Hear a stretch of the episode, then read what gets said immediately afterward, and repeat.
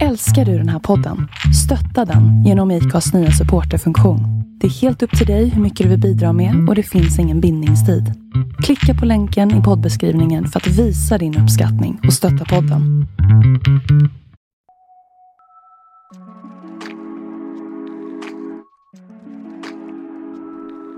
För en dryg vecka sedan presenterade inrikesminister Mikael Damberg från Socialdemokraterna ett förslag på hur man ska komma till bukt med gängkriminaliteten i Sverige. Förslaget går ut på att göra det enklare för brottsbekämpande myndigheter att avlyssna och göra husrannsakan hos människor i preventivt syfte, det vill säga utan att det finns någon konkret brottsmisstanke. Förslaget innebär ett stort avsteg från hur det fungerar idag då man enligt gällande lagstiftning redan brottas med avvägningen mellan att värna den personliga integriteten hos medborgare mot att skydda densamma mot brott genom integritetskränkande åtgärder. Vi pratade i avsnitt 8 om hur pandemilagen faktiskt redan idag har begränsat svenska medborgares fri och rättigheter. Är det här ytterligare ett steg i den riktningen? Eller är det här precis det som krävs för att faktiskt motverka grov brottslighet? Det här ska vi diskutera i dagens avsnitt av Folkets Domstol. Vi tänkte att vi börjar med att backa tillbaka bandet lite och kika på när vi fick fri och rättigheter i samhället. Det är kanske någonting som man tar lite för givet så här i dagens moderna samhälle, men det ser ju faktiskt lite olika ut beroende på var man är i världen och när i historien man har levt. Då. Men i Europa så fick idén om att alla människor har ett antal okränkbara rättigheter fäste på 1700-talet under den så kallade upplysningen. Och kortfattat så innebar upplysningen att individen tog över den centrala positionen från kyrkan och kungahuset och egenskaper som förnuft och kritiskt tänkande värdesattes högt. Delar av det här kommer till uttryck i bland annat då amerikanska Declaration of Independence från 1776 och i en artikel som i Frankrike efter revolutionen 1789 löd Människor föds och förblir fria och lika i rättigheter. Det här ska väl tas med en viss nypa salt med tanke på att slaveri fortfarande var en grej på den här tiden, samt det faktum att kvinnor inte fick rösta. Det här började dock förändras runt 1900-talets början. Nästa stora grej som fick mänskliga rättigheter att ta ett stort kliv framåt var de konsekvenser avsaknaden av att det inte fanns några sådana kunde innebära, vilket man fick ett kvitto på efter andra världskriget, då människor avrättats baserat på religion, sexualitet och diverse funktionshinder. Efter kriget bildades Förenta Nationerna, FN, som också antog en allmän förklaring om de mänskliga rättigheterna år 1948. Ett dokument som i 30 artiklar slår fast att alla människor, oavsett vem man är eller var man kommer ifrån, har rätt till ett liv i frihet, utan nöd, fruktan eller förtryck. Ingen människa ska kunna gripas, torteras eller avrättas på godtyckliga grunder och alla människor ska ha rätt till mat, sjukvård och utbildning. Efter 1945 har mänskliga rättigheter skördat framgångar men det finns fortfarande många stater som kritiserats hårt just för att de inte respekterar de mänskliga rättigheterna på olika sätt. Ryssland, Eritrea, Iran och Nordkorea är exempel på det här. Det har uttalats att Sverige sedan antagandet av 1809 års regeringsform har upprätthållit principerna om rättssäkerhet och medborgerliga friheter med grund i den traditionella svenska rätten. De mänskliga rättigheterna skyddas också i Sverige av Europakonventionen som vi pratat om i tidigare avsnitt har inkorporerats i svensk rätt och därmed är att betrakta som svensk lag.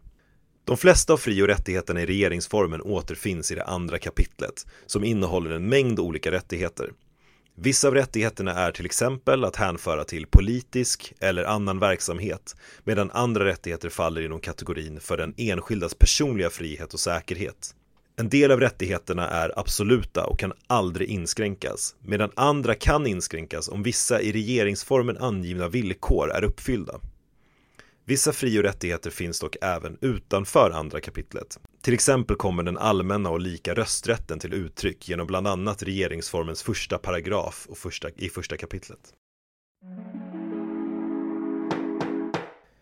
Så vad gäller nu då Viktor? När får staten kontrollera oss medborgare? Om vi pratar om utredning av brott så har vi ju de hemliga tvångsmedlen i det 27 kapitlet i rättegångsbalken. Och med hemliga tvångsmedel då menar man straffprocessuella tvångsmedel som den som blir utsatt för inte är medveten om och heller sannolikt inte har samtyckt till. Han har inte samtyckt men det är förmodligen mot personens vilja för man får inte veta det att man blir utsatt för det eftersom det är hemliga tvångsmedel. Och då är det några krav som ställs på att man ska få använda sådana här hemliga tvångsmedel. Först och främst så ska det ju vara skrivet i lag och sen så finns det de här principerna. Vi har pratat lite om principer tidigare men i det här fallet så är det ändamålsprincipen, det är behovsprincipen och proportionalitetsprincipen. Så alla de här tre principerna, de måste man beakta om man ska få använda ett sånt här hemligt tvångsmedel. Och vad det innebär i det här fallet så ändamålsprincipen då, då är det ju att det ska vara avsett för endast när det finns ett behov att använda det här tvångsmedlet.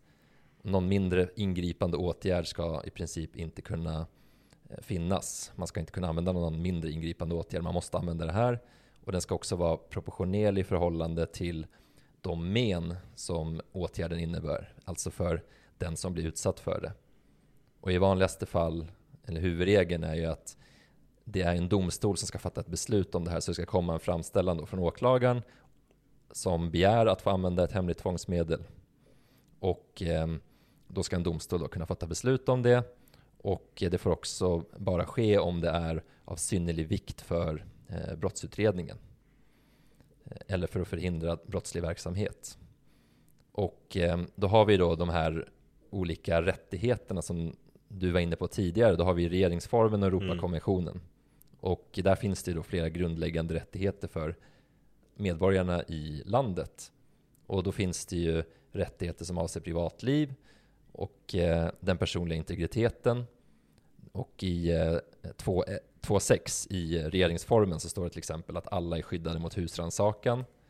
Och det är då en sån rättighet som får begränsas enligt lag då, vilket det har gjorts. Men, men i huvudsak så är ju alla skyddade mot att det får ske någon husrannsakan i sitt hem eller på någon annan plats som ja, men till exempel en bil eller liknande. Sen har vi också rätten till privatliv som finns i Europakonventionen om de mänskliga rättigheter i artikel 8 som är en väldigt viktig rättighet. Så finns det andra rättigheter som handlar mer om rättssäkerhet, till exempel i, ja, men i rättegångar då att eh, en rättegång ska vara rättvis. Det finns i eh, Europakonventionen artikel 6. Så finns det eh, rättigheter om yttrande, informationsfrihet. Och, eh, som du nämnde då, så alla är inte absoluta, utan vissa kan begränsas under vissa förutsättningar. Hur vet man om en lag är absolut eller om den, är, eh, om den går att begränsa? Ja, nej, men då får man studera regeringsformen, för det framgår där. Det framgår då mm det, det kan vara lite knepigt att eh, läsa sig till, men om man läser noggrant så, så framgår det ganska klart och tydligt. Men man får läsa... Det står i, det, st det står i lagen alltså? Ja, precis. Alltså man får läsa flera mm. paragrafer då tillsammans och så får man se då eh, vad som gäller, var, när de får begränsas, eller vilka som får begränsas överhuvudtaget och i vilka sammanhang. Och eh, då, då kan det vara liksom olika saker då. Eh, till exempel så kan det ju vara det här med att ja, men de här är ju då möjliga att begränsa för att det finns ju eh, till exempel det om husrannsakan för att man ska kunna, eh, man ska kunna liksom, eh, utreda brott. Mm. Så finns det andra rättigheter som, som har också begränsats i, eh, i samband med det här, eh, de här pandemilagarna till exempel. Och det handlar inte om att, eh, att kunna utreda brott utan det handlar ju om i det här fallet så, så har det varit liksom befolkningens hälsa. Så att, Just det. Och det har, vi, det har vi ju varit inne på i det här andra avsnittet där vi pratade om det. Och då var det ju ja, demonstrationsfriheten till exempel. Just det. Och vi ska kanske nämna det, regeringsformen, det är ju svensk grundlag. Kan inte du berätta lite vad det innebär för den som inte är helt insatt? Mm, det finns ju fyra olika grundlagar då. Och det är ju regeringsformen, sen har vi ju eh, successionsordningen, alltså hur, eh, eh, hur tronföljden regleras. Och sen så har vi också eh, yttrandefrihetsgrundlagen, tryckfrihetsförordningen. Och de här då grundlagarna, de har ju en speciell karaktär, de går i första hand då eh, över andra lagar och det finns en liksom speciell ordning för hur man ska kunna ändra dem. Det går inte mm. att ändra bara genom ett eh, ett vanligt eh, riksdagsbeslut som, som när man eh, stiftar nya lagar, utan här måste det ju vara eh, ett riksdagsval emellan och så. Men, men det är ju inte så att att det är jättesvårt att ändra en grundlag. Det har vi pratat om tidigare också. Och det har ju Ja. ibland folk, alltså eh, jurister och även andra politiker och så och statsvetare varit ute och liksom kritiserat att det är för enkelt att ändra svensk grundlag. I vissa andra länder så, så finns det ju en, en konstitution som inte går att ändra överhuvudtaget. Mm. Det finns vissa saker som är fastslagna. Det här är det som gäller. Och det kan aldrig ändras. Exakt, för grundlagen är ju någon form av sup superlag liksom. Det ligger själva grund, grundfundamentet i, i det rättssystemet som, som man är. I svensk rätt så är det då bland annat regeringsformen då. Så det ska finnas liksom en stabilitet i det menar man då. Men i svensk rätt så finns det enligt de här kritikerna kanske inte den superstabila tryggheten i det där. Nej, alltså det kan ju ändras eh, ganska snabbt. Mm. Så är det ju. Och, ehm, Mm. Och sen finns det också då regler för vilken majoritet det ska vara och så vidare. För att kunna ändra den. Så, men, ehm, men eh, ja, nej det, det har varit en, en debatt om det och just nu så, så är det som det är. Det är väl inga eh, förslag på att, eh, att den ska ändras just nu. Kan du berätta lite mer om de här hemliga tvångsmedlen? Ja, då är det ju så att först och främst så är det grundläggande att det ska vara, man säger förutsägbart när man får använda ett hemligt tvångsmedel. Och reglerna är också så att de måste vara klara och detaljerade så att vi som medborgare då kan skyddas från vad man kallar godtyckliga övervakningsåtgärder. Så det ska finnas föreskrift på vilka brott som eh, kan ge upphov till sådana här beslut om tvångsmedel. Och eh, det ska också finnas begränsningar i tid för hur länge det får pågå. Det ska kunna granskas på olika sätt. Man ska få använda det på ett visst sätt, inte hur man vill. Hur man ska lagra den här informationen. Och sen också ska det vara, finnas då försiktighetsåtgärder när man överför eh, uppgifter som man har fått från den här, de här tvångsmedlen. Och ehm, eh, så ska man också dokumentera då vilka, vilka åtgärder som man har vidtagit. För det är väldigt viktigt då att det finns en kontroll och tillsyn av användningen av tvångsmedel. Och det ska inte bara ske vid ett tillfälle egentligen, utan man ska, man ska göra den här kontrollen vid flera tillfällen. Men först måste Vem gör, vem gör den här kontrollen då? Ja, men först, eh, först då är det någon som ska fatta ett beslut om den här tvångsmedelsanvändningen. Och då, då sker det ju en kontroll. Dels då, ja, det är en åklagare som begär det här och sen så är det en domstol som fattar beslut om det. Sen, Och det skulle kunna vara till exempel en husrannsakan eller en avlyssning. Ja, till exempel. Och sen då ska det här eh, verkställas.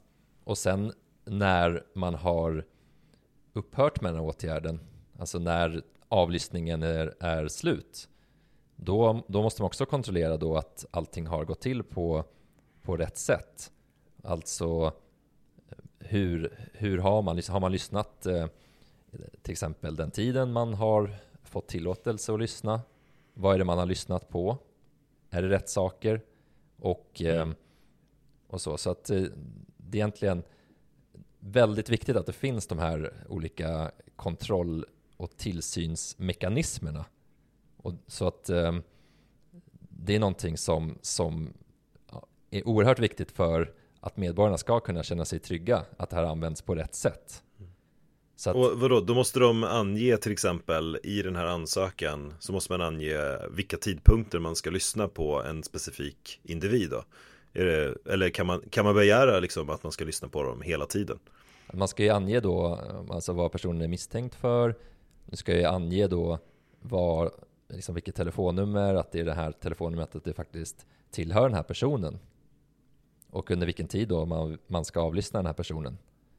Mm. Och sen så, eh, så är det liksom väldigt viktigt att man kan kontrollera att, att uppgifterna stämmer. Exakt hur den här ansökan formuleras, det vet jag faktiskt inte. Men det är ändå viktigt att, eh, att eh, man verkligen är noga med de här bedömningarna. Så att Mm. dels då att det finns en, en skälig misstanke som är kravet för att få använda sig av de här tvångsmedlen. Alltså en, en skälig misstanke, det är, inte den, det är inte den högsta misstankegraden. Det finns ju också Nej, sannolika det. skäl. Mm. Om någon person ska bli häktad, då ska man uppnå sannolika skäl. Så det här med skäligen misstänkt, misstänkt är ju en lägre grad av misstanke. Sen, en sannolika skäl. Precis. Och sen mm. då ska man ju då göra den här bedömningen, är det en, en eh, nödvändig och proportionell åtgärd? Ja. Så. Och eh, vad gäller då den här tillsynen så är det ju en särskild myndighet som utövar den. Och det är den som heter, eh, den förkortas SIN, eh, Säkerhet och integritetsskyddsnämnden. Så okay. det är en, en, en myndighet som är då helt separerad från både åklagare, domstol och polis. Så att det är en oberoende myndighet.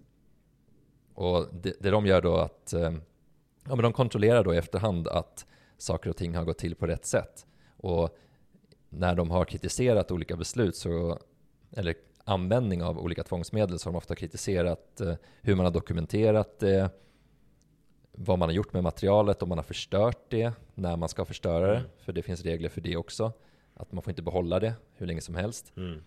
Och sen så handlar det också om att den personen som faktiskt har blivit utsatt för det här i, som huvudregel ska bli underrättad om det. Alltså man ska få veta då att man har blivit utsatt för det här. Just det, det var en sån fråga vi fick in när vi eh, ställde en fråga kring vad man ville veta om det här avsnittet på Instagram. Mm.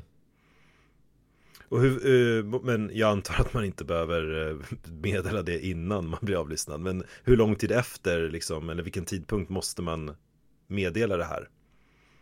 Mm, alltså det kan ju bero lite på. Det, fin- kan ju finnas grund för att eh, man ska fördröja det beslutet lite, eller fördröja den åtgärden lite för att det har betydelse för utredningen. Men annars så ska det ju mm. ske i nära anslutning till det, att man har blivit utsatt för det.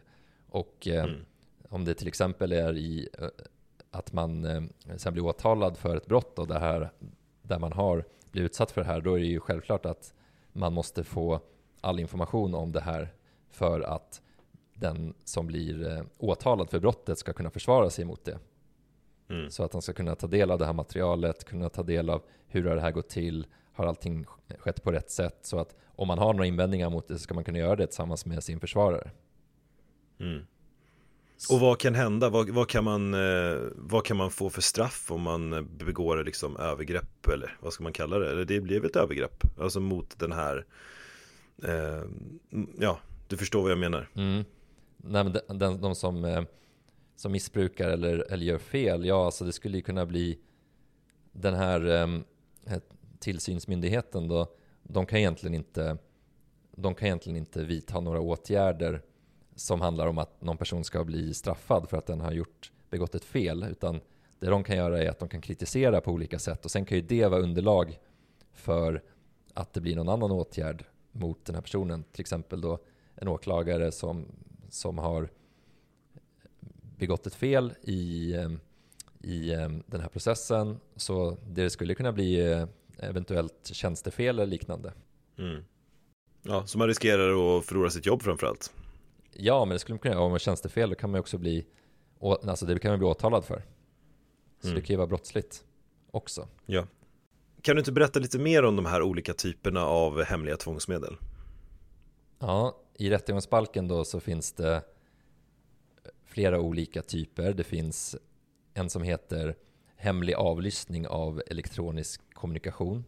Och det handlar om att man, man får lyssna på innehåll i, i samtal. Alltså man lyssnar av en telefon till exempel. Eller man lyssnar av, eller man kan läsa, få se vad man har skickat för sms. Så det är en, en liksom klassisk telefonavlyssning. Sen finns det en som heter, jag kan säga också den, den första då, den förkortas HAK.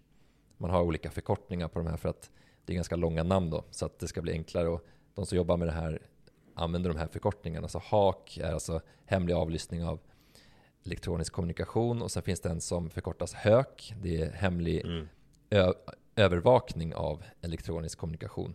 Och det, skillnaden är att då lyssnar man inte av samtal, alltså vad som sägs, utan då kan man få in vad man kallar metadata. Alltså man kan mm. få se eh, vilka samtal som har ägt rum, alltså att någon har ringt till någon annan, man kan se, Mm. folk har skickat sms, man kan se vilka platser man har varit på, till exempel med mastuppkopplingar och liknande.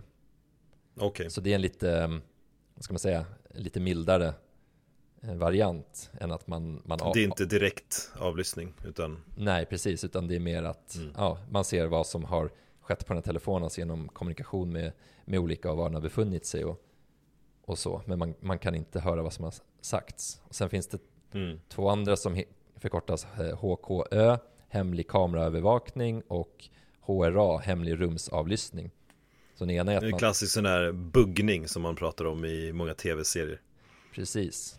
Så att det, det ena är då att man, man monterar upp en, en kamera som, eh, så att man kan filma och det andra är att man ja, installerar då någon avlyssningsutrustning i ett rum till exempel där man kan avlyssna vad som sägs.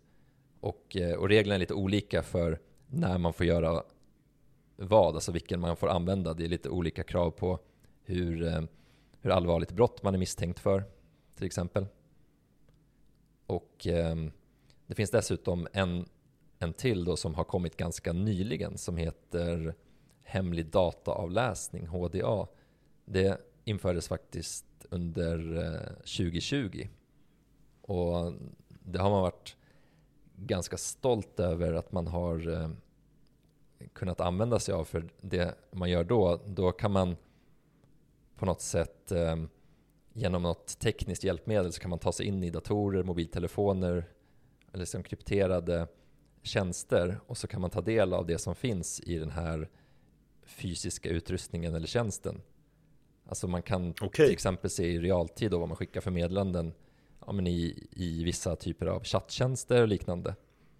Man tar över skärmen då på en mobiltelefon till exempel Ja, man, man, kan, man övervakar då allt som sker där. Och det här har ju fått ganska mycket kritik för det som händer då är ju att man kommer ju kunna ha möjlighet att och även övervaka ganska mycket annat.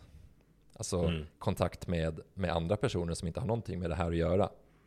Ja, det är sjukvård till exempel och eh, andra intima in- diskussioner och så vidare Ja, precis, men att, att man, man får ju tillgång till en väldigt liksom, stor, eh, stor mängd information. mm. Inte- Ja men inte- allt egentligen Eh, Det är väl, är det, något, eh, är det något instrument som vi använder idag till att göra egentligen allting så är det ju mobiltelefonen Mm, ja men exakt. Och den här lagen, den, den, är, den gäller nu, men den är, man kan säga att den är på prov. Den ska gälla i, i fem år och sen ska man, man utvärdera det här och se, Okej, och se hur det har fungerat. Och eh, ja, som sagt, redan innan den trädde i kraft och även under tiden så har den fått liksom ganska mycket kritik och ifrågasatts om det, om det faktiskt är i, eh, i, eh, i proportion till, till vad det är man vill uppnå och om, Mm. om människors personliga integritet och inte, inte kränks för mycket. Hur har det här Ja, hur, hur har det här använts då i, i, i olika rättsfall? Mm, alltså på senare tid vet jag inte exakt, men jag vet att tidigare så när man införde det här så, så sa man att man trodde att man skulle använda det här ungefär 50 fall per år. Men Mm. eh, det har det kom någon, eh, någon eh, undersökning där i, i somras tror jag och då hade man redan använt det i 60 fall så man använt det betydligt mer då än, än vad man trodde. Okej, Och, men, men eftersom det är ganska nytt så, så hade det i alla fall inte då lett till eh, eh, speciellt många liksom, fällande domar. Och det här är ju också någonting som, som vissa har eh, kritiserat när man, eh, nu ska vi inte gå in på det i detalj, men när man pratar om eh, Encrochat till exempel. just det mm. Om det faktiskt inte är så att det är det här som, som polisen har gjort, alltså om det är att jämföra då med det här med hemlig eh, eh, dataavläsning. Mm. Och i så fall då, om man inte har följt de här reglerna, alltså fått det här, de här tillstånden, så skulle man inte ha rätt att använda sig av det här. Just det Men det har ju avfärdats av, av domstolarna, hittills i alla fall. Så att, Ja, så att eh, den invändningen har man inte kommit långt med, men det är ju fortfarande många som hävdar att, att det faktiskt är på det viset. Och vi får se om, om sista ordet är sagt. men en annan sak som är, som är viktig i det här, det är att de här hemliga tvångsmedlen, de får alltså användas för, eh, för att utreda brott. Alltså, man, det ska finnas en, en skälig misstanke och det ska vara en pågående förundersökning. Och om det sker i underrättelsesyfte, alltså det är någonting annat. Det är ju inte att det finns en pågående förundersökning mot en person. Utan un underrättelseverksamhet, är är, det är en annan typ av verksamhet som inte eh, den vanliga polisen och eh, åklagaren eh, sysslar med på det sättet. I alla fall inte, polisen gör inte det i huvudsak, utan det finns ju då vissa brott som Säkerhetspolisen har som ansvarsområde, till exempel terroristbrott och liknande. Då kan man mm. få använda vissa av de här tvångsmedlen i, i underrättelsesyfte. Ja. Eh, fick in en, en, en, väldigt intressant fråga baserat på det här eh, Där vi kanske ska återigen förtydliga skillnaden mellan civilrätt och brottmål Och det här att eh, Du nämner ju det här att man kan göra det här i brottmål Men det betyder inte att man som part i till exempel en vårdnadstvist kan använda de här inskränkningarna av integritet som tvångsmedel för att kunna få fram bevis i, i, i en tvist mellan två parter helt enkelt. Visst är det så? Nej, man får ju inte, man får inte bugga någon annan som, som privatperson och sen hävda att eh, man, har, man har följt den här lagen om, om hemliga tvångsmedel eller så, utan det man får göra då som privatperson, man får ju, man får ju spela in samtal som man själv är deltagare i. Mm. Det är ju inte olagligt. Nej. Men till exempel om eh, att liksom montera upp någon avlyssningsutrustning hemma hos någon annan eller så, eller, eller spela in samtal på någon annans telefon som man inte själv är deltagare i, det är ju ett brott. Jag mm. tror att det heter olovlig avlyssning som man kan, mm. som man kan bli straffad för. Så, Viktigt att ta upp i alla fall. Uppenbarligen så är, finns det ändå människor som, som ställer frågan. Så att det kan vara bra för tydliga när vi ändå eh, angränsar till det ämnet. Ja, precis. Och, eh, och det kan också vara värt att nämna att det finns, det finns andra typer av och avlyssning också. Alltså till exempel det som eh, FRA sysslar med.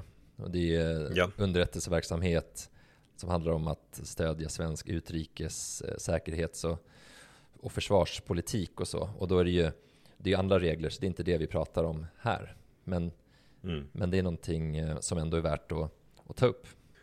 Men om vi backar bandet lite då till det här förslaget som kommer nu från, från Mikael Damberg vad är det som det faktiskt innebär? Ja, men det är viktigt att vi säger att det är bara ett förslag just nu som ska utredas. Och den här mm. utredningen ska presenteras eh, någon gång i början av 2023. Så att det här är inte någon, någon lag som då är beslutad att den kommer börja gälla vid en viss tidpunkt, utan det här är ett förslag som de har lämnat till en utredare och sen så kommer utredaren då komma med sina synpunkter.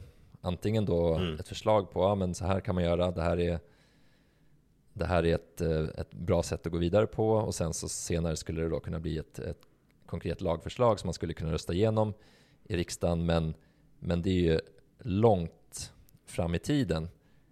Mm. Men det är ändå viktigt att man är medveten om vad det här förslaget faktiskt innebär.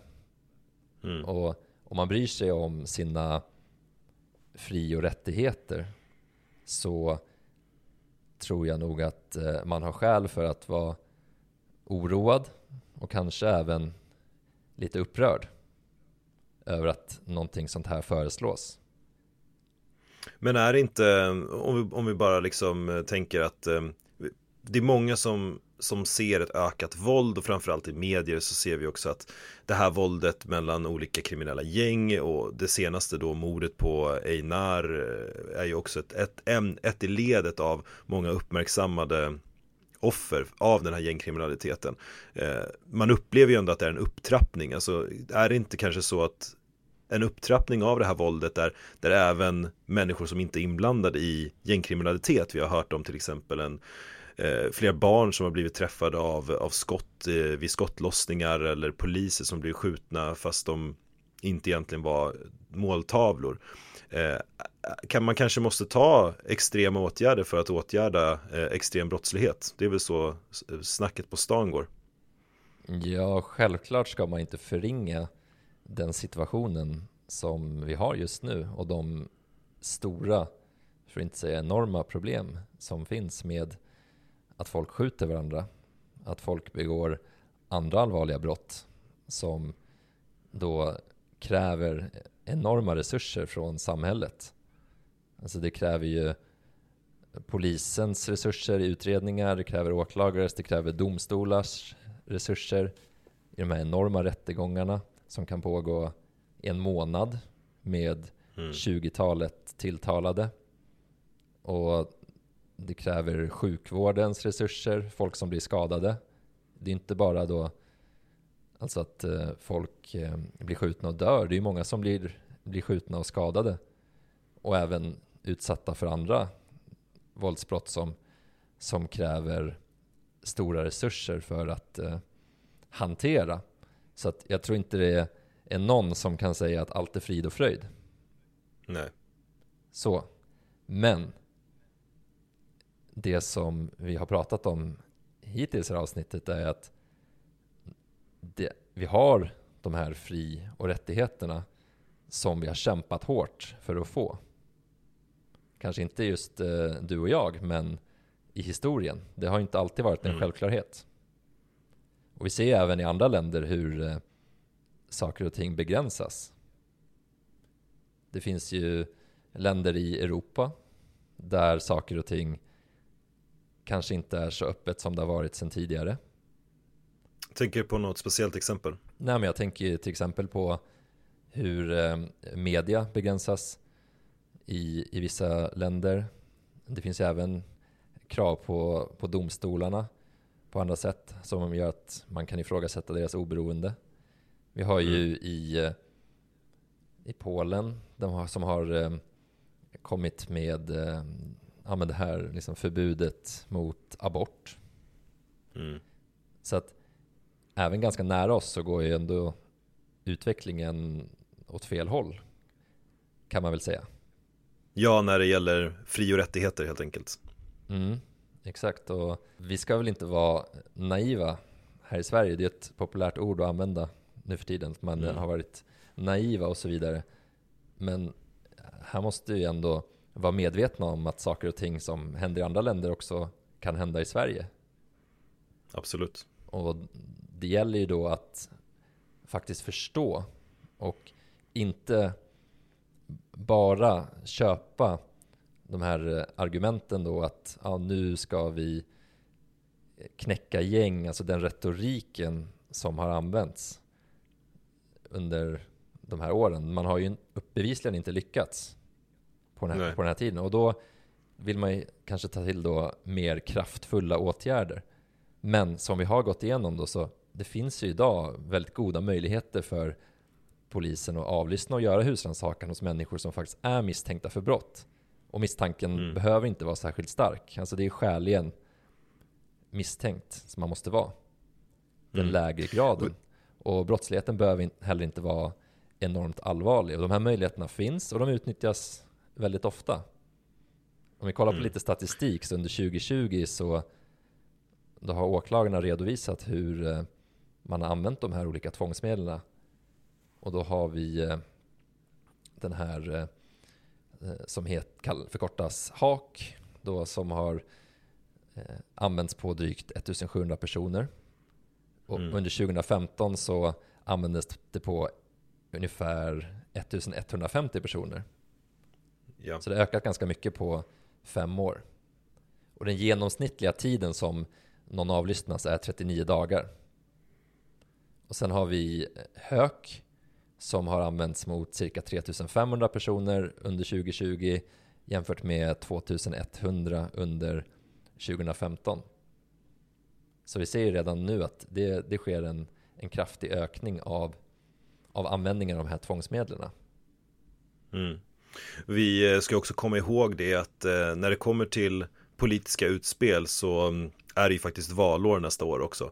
Vilket, eh, och vi lever i ett samhälle idag, ett informationssamhälle där vi har tillgång till långt mycket mer information än vad vi någonsin tidigare har, har haft. Vilket gör att alla har i princip möjligheten att få sin åsikt luftad och att få uttrycka en, eh, en åsikt och bilda opinion i princip. Så att eh, man tar ju också in väldigt mycket eh, åsikter och tankar och idéer och, eh, och så varje dag. Det är en ganska speciell situation sett till historien när, när man tänker på politik och bildandet av lagar och, och politiskt maktspel och så vidare. Så att eh, det är ändå viktigt att ha det i bakhuvudet när, eh, som motpol till Eh, när sådana här förslag kommer fram att det finns, det finns många aspekter att ta tillvara på som du nämner nu här det viktiga är att ta tillvara på eh, medborgerliga rättigheter och eh, integritetsfrågor och ställa det i proportion till åtgärder som då ska skydda samhället från till exempel brottslighet. Men eh, du har ju läst det här förslaget som, eh, som vi pratar om här nu. Va, va, vad är det som står i det och vad är det man vill göra? Det viktiga är ju att man vill att det ska utredas hur man kan använda hemliga tvångsmedel i preventivt syfte och utanför en förundersökning. Och motiveringen är att det ska för, förhindra allvarlig brottslighet som förekommer inom ramen för kriminella nätverk. Och det här är ju, det är ju bara ett förslag så att allting är ju inte jättenoggrant specificerat för att det är det som kommer ske då i den här utredningen. Men redan nu då så kan man ifrågasätta ganska mycket hur man har tänkt och hur, hur man avser då att det här ska kunna tillämpas. Och för det första då kan man ju fråga, hur ska man formulera en sån här lag då så att den faktiskt bara träffar de som avses? Är det bara brottslighet inom det man kallar kriminella nätverk som man avser? Och hur ska man då mm. kunna definiera sådana här kriminella nätverk? Just det. Alltså hur vet man vem som tillhör ett kriminellt nätverk och vad är det för någonting? Och då kan man ju dra en parallell till polisens egna rapport som de släppte i maj 2021. Och det var en rapport som de släppte efter att de har gjort en granskning då av när efter att eh, Encrochat hade knäckts. Och då skrev man en mm. rapport som man kallade lärdomar av Encrochat. Och det man kom fram till då var att det här fanns en stor samverkan mellan olika personer, olika konstellationer. Det skedde mellan både identifierade nätverk och personer som sak verkade sakna någon form av grupptillhörighet. Alltså man kan säga att mm. enligt polisen då så fungerade Encrochat i viss mån som en form av sam samlingsplats där olika typer av brottsvilliga personer kunde få kontakt med varandra. Och sen kunde man mm. begå brott tillsammans på olika sätt. Utan att kanske egentligen veta vem det var man pratade med eftersom alla var ju anonyma. Någon form av så här kontaktannonser för brottslingar som vill begå själva ja, brott. Ja, det, det fanns ju uppenbarligen ganska många sådana personer där. Mm. Jag vill råna en bank, jag behöver två personer som är beredda att råna en bank De ska vara stora, starka, ha vapen och, och sådär Så skickar man ut det då eller? Ja, typ så Och sen så eh, kunde man kommunicera med, med eh, varandra då utan att man visste vem man var Och eh, mm så kunde man ja, men, diskutera då hur skulle det här gå till? Så kunde man kanske hitta andra personer som inte heller kände de här personerna. Så det, det var någon form av ja, men, samlingsplats då. Utöver då de personerna som, som faktiskt tillhörde vissa typer av grupper så fanns det då de här ja, men, ensamma personerna som, som, som inte hade någonting med de här andra att göra. Mm. Så eh, en av lärdomarna i den här rapporten är att de här eh, gäng, gängen till exempel, det kanske är mer än eh, det är inte så att man kan kolla på alla bolag liksom, eller i Bolagsverket och se att någon är medlem i Dödspatrullen eller någon är ordförande. De är inte registrerade någonstans direkt utan det, det, är mycket mer löst sammansatt än man kanske kan få bilden av i media där det låter som att det är väldigt organiserat och, och, och, strukturerat den här kriminaliteten. Att man eh, på något sätt har tydliga roller och man, eh, man rekryteras och sen är man en del av Dödspatrullen eller av vad man nu kallar det då. Ja, ja men så, så kan det absolut vara. Och en avgörande fråga här skulle i så fall vara, hur definierar man ett kriminellt nätverk? Mm. Alltså räcker det med att man har begått brott tillsammans med andra specifika personer vid ett tillfälle eller flera tillfällen?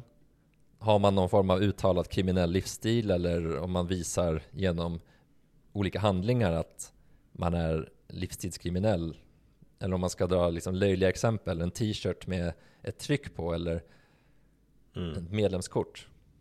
Liksom, vad, hur, hur, hur eh, går det till? Hur vet man? Hur kan man visa det här? För då skulle det i så fall i första hand då, om det är så att man ska bara få använda det här mot personer som tillhör kriminella nätverk, ska man först då bevisa att personen faktiskt tillhör ett sådant nätverk. Tänker man inte då att lagstiftningen ska träffa så att säga vem som helst men att den, är, den tillkommer för att eh, för att det finns ett problem med kriminella nätverk då och att eh, faller man in, alltså om man uttrycker lagstiftningen och om man formulerar lagstiftningen på ett sätt som som träffar själva problemet och så vet man att de, de kommer oftast troligtvis vara del av kriminella nätverk och att det spelar inte så stor roll att man måste så att säga identifiera det som en del i liksom bevisningsprocessen. Ja, det får vi väl se då när, det här, när den här utredningen är klar och hur det förslaget mm. kommer se ut. Men det är i så fall just en sån sak som man bör vara orolig för. För att då kommer det ju kunna träffa alla personer egentligen. Mm. Inte bara då som man hade som avsikt att kunna träffa de som, som tillhör eh, kriminella nätverk utan, utan även andra. Ja, så man måste vara väldigt noga med hur man formulerar lagstiftningen så att man ska kunna tillvarata de här fri och rättigheterna som alla medborgare har eh, men samtidigt att man ska kunna gå längre när man ser att det finns människor som eh, upprepat faktiskt ha, är livsstils, livsstilskriminella som, du, som du säger. Ja, alltså risken är ju att det blir en, en så kallad eh, slippery slope. Alltså mm. man, man har en inom citattecken god avsikt från början att det är de här personerna man vill komma åt. Men sen så då har man möjlighet att även komma åt andra personer och eh, det här användningsområdet eh, utvidgas lite mer hela tiden och till slut då så, så används det på ett helt annat sätt än vad man hade sagt från början. Och om det då inte skulle finnas något krav då på vad man skulle tillhöra eh, för typ av grupp, eh, alltså ett kriminellt nätverk, då öppnar ju det faktiskt upp för att det kan påverka alla människor. Alltså eh, journalister, fria medier, politiska mm. motståndare, opposition. Och då menar jag ju då att om det är så att det blir någon annan form av, av styre som har de här möjligheterna att faktiskt kunna avlyssna folk och, eh, och göra husrannsakningar mot personer utan att man då ska definiera att de tillhör en viss typ av grupp. Då menar du risken att man, eh, att man helt enkelt får, man får inte vara naiv i, det, i, det, mm, i den världsbilden att man, att man hela tiden kan lita på de som sitter vid makten, att de ska ta rätt beslut utifrån medborgarnas bästa utan de kan lika gärna ta beslut utifrån sitt eget bästa om det är en viss person eller ett visst antal personer som sitter vid makten helt enkelt och de har en lagstiftning som stöttar dem eh, i att kunna göra det. Jo, precis och de här fri och rättigheterna så de har vi ju det är ju vi som medborgare som har dem gentemot staten. Alltså vi har ju dem för att, för att kunna skyddas mot staten. Att staten vidtar godtyckliga åtgärder mot oss för att, ja men något, något skäl att eh, vi är jobbiga, de gillar oss inte. Vad det nu kan vara. Vi... Mm, nej men det kan ju finnas massvis med, med skäl. Det kan ju vara rasistiska förtecken eller det kan finnas eh, att kunna bibehålla makten eller ekonomiska förtecken. Det finns ju massvis med, med möjligheter. Sitter man på makten i en, i en demokrati eller i ett samhälle så, så är det såklart att eh, du har väldigt stora tillgångar eller möjligheter att eh, och makt att, att göra saker som du vill göra om du inte har lagstiftning som hindrar det. Exakt. Och eh, det var, jag var inne på innan då, om, om, om man säger att syftet då var att, eller det är att förhindra allvarlig brottslighet inom ramen för kriminella nätverk. Om det är så att man skulle eh, landa i det, det är det den här lagen då potentiellt i framtiden ska kunna eh, tillämpas mot. vad menar man då då? Om det finns liksom annan förvisso lika allvarlig brottslighet som, som kan begås inom en annan miljö. Om ska den då inte omfattas av, av samma möjligheter som, som skulle kunna användas mot de här kriminella nätverken? Jag tänker till exempel på då alltså att man, eh, det man vill säga att man vill kunna förhindra brott. Men det finns ju andra typer av brott som är minst lika allvarliga. Det finns ju ett ganska stort problem med att det begås allvarliga våldsbrott, till och med att man dödar varandra i parrelationer. Alltså att en, oftast så är det ju en, en man som dödar en kvinna, men det finns också fall där det är tvärtom. Det har åtminstone Och det är inte skett. relaterat till gängkriminalitet menar du då? Nej, precis. Jag menar, om man skulle ha möjligheter då att, att avlyssna i preventivt syfte. Alltså för i många av de här fallen så finns det ju, det finns ju någonting som, eh, som, eh, som ligger bakom det. Så det, det byggs ju ofta upp. Mm. Att eh, det är oftast inte, kanske vid det första tillfället, en person dödar en annan. Det kan ju ha, ha varit misshandel som har skett sedan tidigare. Ibland så, så införskaffar man något vapen, alltså till exempel mm. pistol eller kniv eller liknande, för att man har tänkt ta livet av den andra. Det kommer in, eh, det kommer in eh, tips om det. Mm. Och eh, ska man då inte kunna använda den här i preventivt syfte, till exempel att man ska kunna eh, göra en husrannsakning eller, eller liknande, eller, eller avlyssna, bara för att det inte sker inom en, ett kriminellt nätverk. Det, det är bara en fråga mm. som kan vara värd att ta upp, att det finns ju i så fall, om man ska då kunna, kunna eh, avlyssna och göra husrannsakan i, i preventiva syften, i vilka fall ska det begränsas till? Ja. Så för det man säger egentligen, det är alltså att man ska kunna göra avlyssning och husrannsakan utan konkret brottsmisstanke, alltså preventivt för att förhindra brott. Och frågan mm. är då, hur ska man kunna förhindra någonting utan att veta vad det är man ska förhindra? Alltså i tanken att då man ska kunna avlyssna alla eh, kriminella hela tiden och sitta och vänta på att de ska avslöja då några brottsplaner. Man kan göra ett exempel då när man tog eh, Al Capone för, eh, för skattebrott för att man, man kunde inte ta honom för mord. Lite så här att, ja men något, något skit har han väl gjort så vi tar honom för det vi kan. Mm. Och med den här lagstiftningen då skulle man i princip kunna sätta då eh, inte bara på Al Capone, alltså Al Capone var väl ändå ganska erkänd eh, som, eh, som kriminell så att eh, där skulle det ändå kunna finnas någon form av högre grad av misstanke eh, för brottslighet men Låt oss säga att, eh, att jag har en polare på polisen. Eh, Jag beter mig illa mot den personen. Jag kanske sviker honom eller jag kanske är otrogen med hans fru eller vad det nu kan tänkas vara för någonting. Eh, Om då med den här lagstiftningen menar du att det finns en risk att han kan utnyttja den eh, Utan att jag ens har någon konkret misstanke för, för, för brottslighet? Alltså utan att jag gjort någonting, är det det du säger? Ja, alltså det skulle kunna vara så. Det, alltså vi, som sagt, vi, vi spekulerar ju lite här för vi vet ju inte vad utredningen kommer komma fram till. Man, det man säger är att det ska Nej. vara utan konkret brottsmisstanke och självklart, det vi pratar om är också vad kan hända i framtiden om det finns en sån här lagstiftning på plats.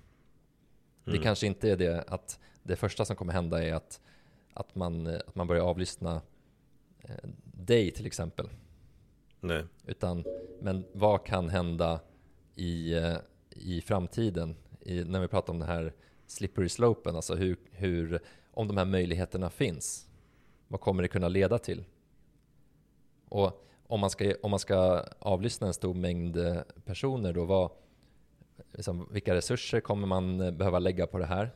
Det kommer kräva utrustning, personal, administration Låt säga då att man skulle vilja avlyssna alla som man vet tillhör ett kriminellt nätverk enligt sin egen definition. Alla mm. i Sverige, alla som har blivit dömda för en viss typ av brott inom den här miljön. Mm. Alltså, hur ska man administrera det här? Alltså ska det vara då, det, det, är nästan så att det måste ske per automatik på något sätt genom, genom AI, att man lyssnar efter vissa ord. Liknande. Just det, man låter, man låter någon AI eller någon, någon dator sitta och registrera och filma av alla människors eh, skärmar, mobilskärmar och sen så identifiera brott eller, eller, mystiskt, eller misstänksamt beteende helt enkelt. Ja. Och sen så rapportera det. Exakt. Och frågan är då hur rättssäkert skulle det vara? Hur vet man att det här är, att det här är eh, korrekt hanterat? Om det Mm. faktiskt inte är människor som, som sitter och tar olika beslut och sitter och, och lyssnar på olika saker. Det låter ju inte som ett superhärligt samhälle att leva i heller. Nej, så är det ju. Och, och dessutom så kan man väl också tänka sig hur, det är ju inte de som faktiskt är yrkeskriminella vet ju att idag finns det en stor risk att de blir avlyssnade för att de är Mm. misstänkta för olika typer av brott. Ja. Så det är inte- ja, men det är väl väldigt erkänt att man använder så kallade burner phones till exempel. Exakt. Eh, För att just, just att man inte ska låta de här, eh, som, eh, de här verktygen som ska scanna av ens telefon eller, eller liknande. Det är väl lättare att göra det med en iPhone än med en Nokia 3310 till exempel. Ja, och hur kommer det se ut då om, om, om alla vet att det finns en risk att man blir avlyssnad hela tiden? Alltså man kommer ju knappast prata öppet på telefon eller i meddelanden, vilket man inte ens gör idag. Alltså man anpassar Nej. sig.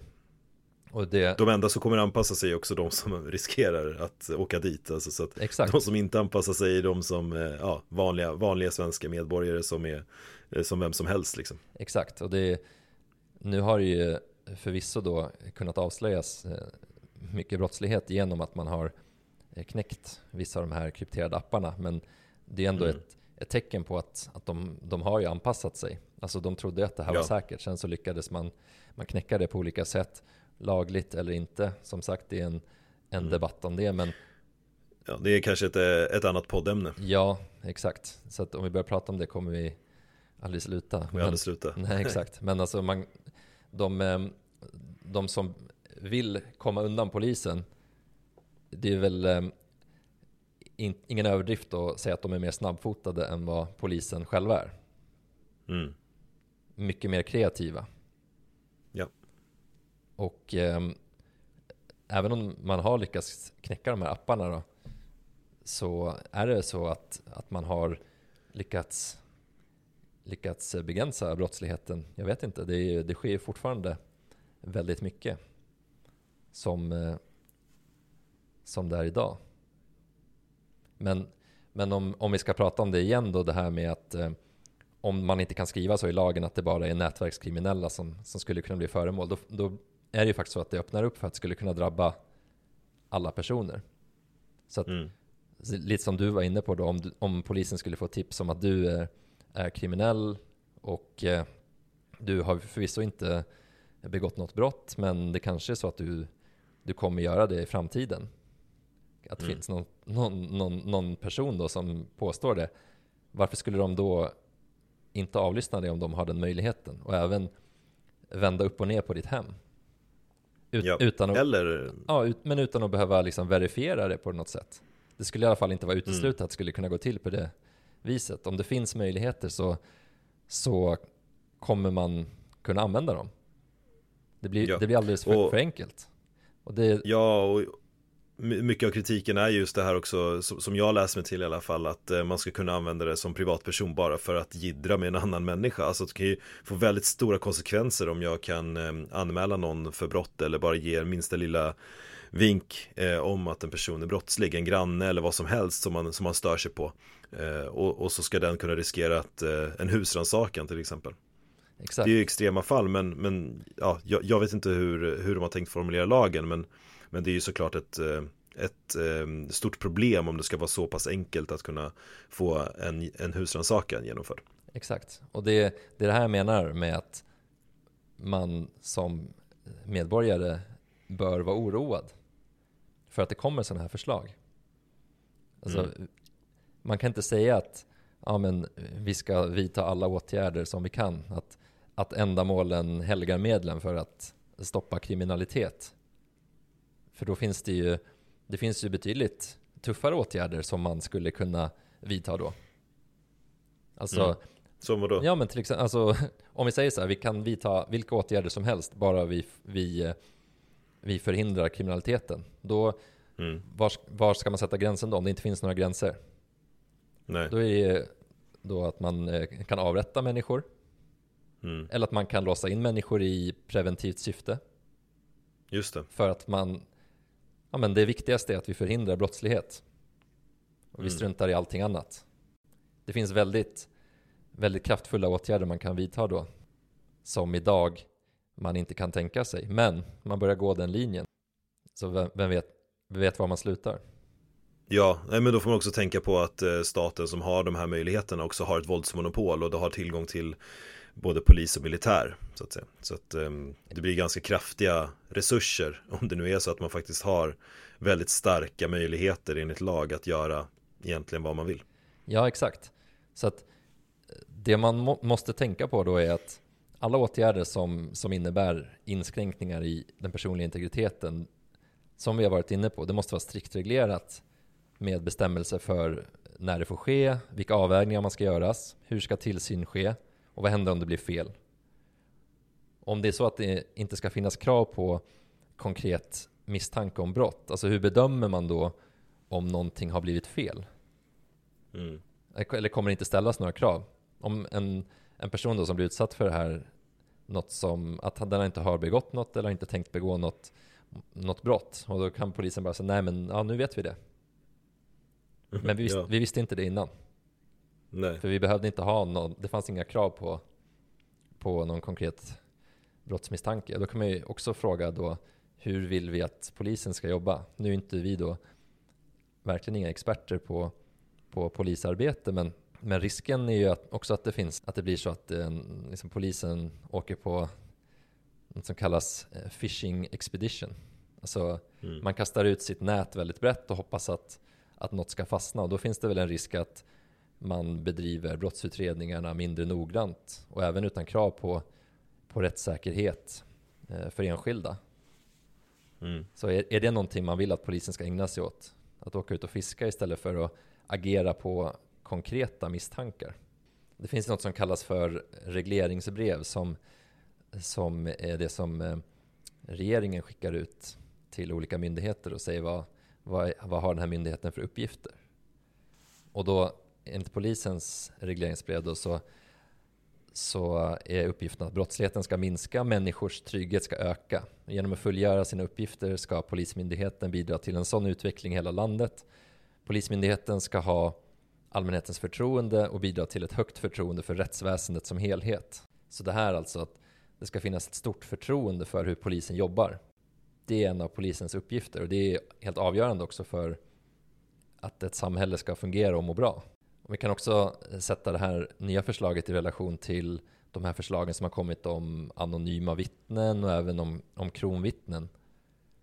Och där har ju de som är insatta i juridik och förstår hur bevis får användas i rättegångar har ju sagt att om man använder anonyma vittnen så kommer bevisvärdet bli väldigt lågt. För det går inte att verifiera. Och vad innebär det då för de som inte vet? Att bevisvärdet blir väldigt lågt? Ja, alltså lågt, eller om det är lågt så att det är, det är inte ett starkt bevis.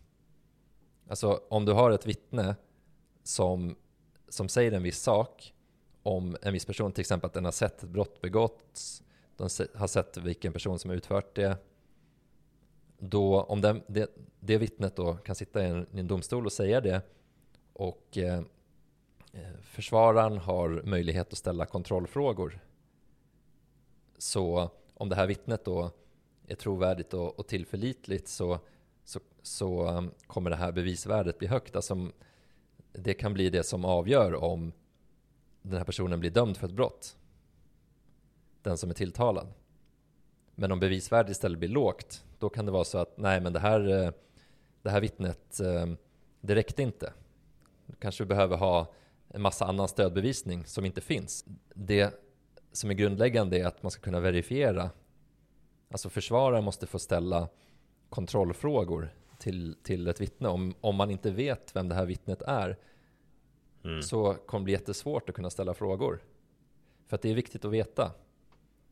För då, alltså, den som är tilltalad kan ju ha andra uppgifter som kan peka på att antingen att det här vittnet ljuger eller att den inte kan ha upp, uppfattat det här på, på det sättet. Att det kan finnas andra Mm. skäl för varför man säger så här i ett vittnesmål.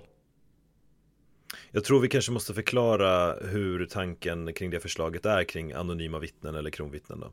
Vad, vad, vad skulle det innebära? Jag förstår att det är klart att man inte kan veta eh, ett anonymt vittne, ja man behöver inte veta vem det är Men betyder det också att man inte kan ställa motfrågor för att personen i fråga inte kan vara delaktig överhuvudtaget i en rättegång? Alltså det finns det ju inte något eh, förslag som har presenterats, eller det finns ju inget, ingen, inget lagförslag eller hur man ska kunna hantera det. Men oavsett om, om vittnet skulle vara, alltså om den, eftersom det är anonymt så kan du inte vara på plats i rättssalen. Mm. Man kanske kan, eh, man kanske kan maske, maskera och förvränga rösten Ja, jag, jag, jag vet inte, men det kommer fortfarande, det kommer fortfarande bli ett, eh, ett lågt, lågt bevisvärde oavsett. mm. just, av den, just av den anledningen att eh, personen i fråga är anonym Ja, precis för, för Mm. som jag säger då att den som är tilltalad kan ha andra uppgifter som bara kan användas mot en viss person. Alltså att man vet att en Mm. person inte har varit på den platsen till exempel där den säger att den har varit. Eller att den inte kan ha sett det här. Eller att den kan ha andra skäl för varför den säger en viss sak. Problemet med anonyma vittnen i så fall att vittnesmålen skulle kunna bli, bli värdelösa. Och det här med kronvittnen då, det handlar ju om att man ska kunna ange, man till exempel, eh, man själv är, är misstänkt för ett brott och sen så kan man kunna ange en annan person för ett brott. Alltså det är någon form av angiveri och då ska man själv få Mm. ett, eh, ett, ett lägre straff. Och, Mm. och, och i- idag så finns det ju faktiskt också regler att man, eh, om man deltar, alltså man lämnar vissa uppgifter som kan leda till att eh, ett, ett brott blir löst så kan man få ett lägre straff. Det finns redan, redan sådana regler. Men det finns i inga, svensk rätt ja, men inga specifika regler om, om, eh, om, om kronvittnen. Så. Men så bo, båda de förslagen är problematiska ur en rättssäkerhetssynpunkt. Och hur ställer vi det i relation till, eh, till det här som vi pratar om idag med kontrollsamhället? Jo, men vi ställer ju det i relation genom att man då har ett gott syfte, att man vill lösa fler brott. Men att man Mm. vidtar åt, lämnar förslag på att vidta åtgärder som inte är effektiva eller som går alldeles för långt. Mm. Det är det som är problemet, att det kanske är andra saker man ska göra för att, eh, för att kunna förhindra att eh, den här utvecklingen fortsätter. Eller, och Mm. dessutom att, eh, att inte bara att förhindra att utvecklingen fortsätter, för man vill ju inte ha det som det är idag heller. Men är det värt att tumma på rättssäkerheten och den personliga integriteten på ett sätt som gör att vi sen inte kan gå tillbaka till ett, eh, någonting som, eh, som faktiskt, även om inte, nu ska vi liksom vara tydliga med vad vi säger, att rättssäkerheten är ju en sak, men att det begås en stor mängd brott är en helt annan sak. Så att det är ju Mm. inte så att vi säger att allting är bra som det är idag, det är inte. Men man måste ändå vidta rätt typ av åtgärder. Så precis som vi säger, alltså vad händer, vad händer om, ehm, om det skulle bli ett annat styre i Sverige och de här lagarna finns på plats? Finns det möjligheter att det kan bli en, en typ av polisstat? Och hur mycket litar vi egentligen på, på staten idag? Hur mycket ska de lägga sig i? Alltså vi har då de här rättigheterna för att vi inte kan lita på statens godtycke och att, att de inte ska kunna missbruka sin makt. Och med mer makt så kommer alltid mer åtgärder. Det är inte så att vi i Sverige är befriade från maktmissbruk eller korruption. Det är snarare någonting som är mänskligt och som kan uppkomma var som helst. Och staten är ju så mycket starkare än, än individer och därför måste det finnas regler som begränsar statens makt Mm. mot sina medborgare. Så att vad är det som säger att det här kommer få en önskad effekt? Är det en falsk trygghet eller brist på andra mer effektiva åtgärder? Och är det här åtgärder som inskränker vår frihet i onödan? Så vad tycker du då? Hur, vad ska vi göra för att komma till bukt med det här problemet som vi har men samtidigt bibehålla rättssäkerheten och inte inskränka integriteten och de mänskliga rättigheterna? Det man kan fråga sig är i alla fall att är det här ett genomtänkt och en seriöst förslag eller är det bara ett sista försök för de som styr idag att eh, visa att jo, men vi tar visst i med hårdhandskarna mot brottsligheten. Alltså riskerna som man måste beakta är att det skulle kunna bli ett urholkat förtroende för polisen och staten om människor blir övervakade utan anledning. Jag skulle säga att det leder till sämre levnadsstandard att, att känna den oron att det finns sådana möjligheter.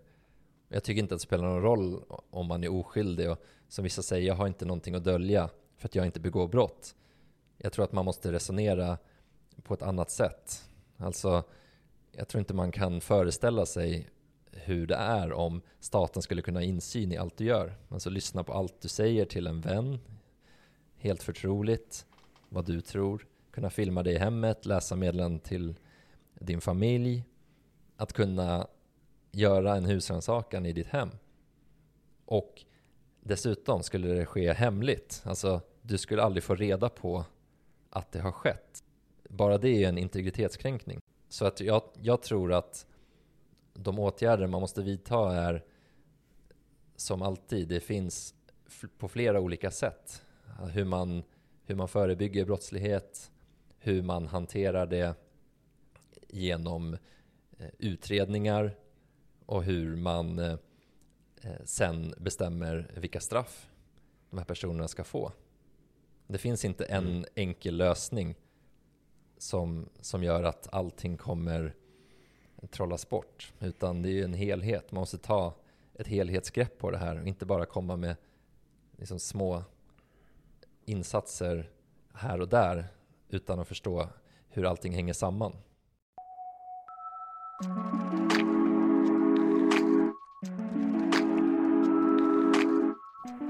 Du har lyssnat på elfte avsnittet av Folkets Domstol som vanligt uppskattar vi jättemycket om ni följer oss på sociala medier. På Instagram är vi allra mest aktiva, men vi har också en diskussionsgrupp på Facebook som heter Folkets Domstol Diskussionsgrupp.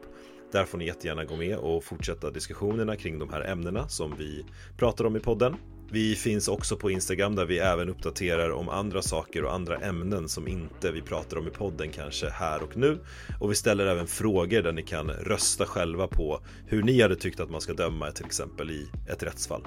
Vi har också blivit nominerade till årets poddnykomling i priset Guldpodden. Så om ni går in på guldpodden.se och klickar i och eh, röstar på oss så skulle det också vara någonting som gör oss jättetacksamma.